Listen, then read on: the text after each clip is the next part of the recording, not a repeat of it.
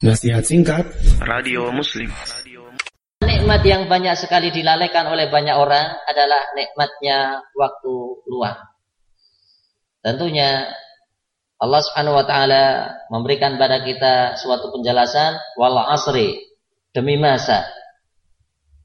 Bapak Arab mengatakan al waktu kasaif. Waktu bagaikan pedang. Ilam taqta'hu qata'at jika Anda tidak memanfaatkan waktu tersebut, maka akan terpedanglah Anda ini. Maka yang namanya waktu itu adalah sangat bermanfaat. Waktu adalah perkara yang sangat mulia dan Rasul bersabda dan raihlah lima perkara sebelum datang lima perkara yang lain. Di antaranya adalah waktu longgarmu sebelum datang waktu sibukmu.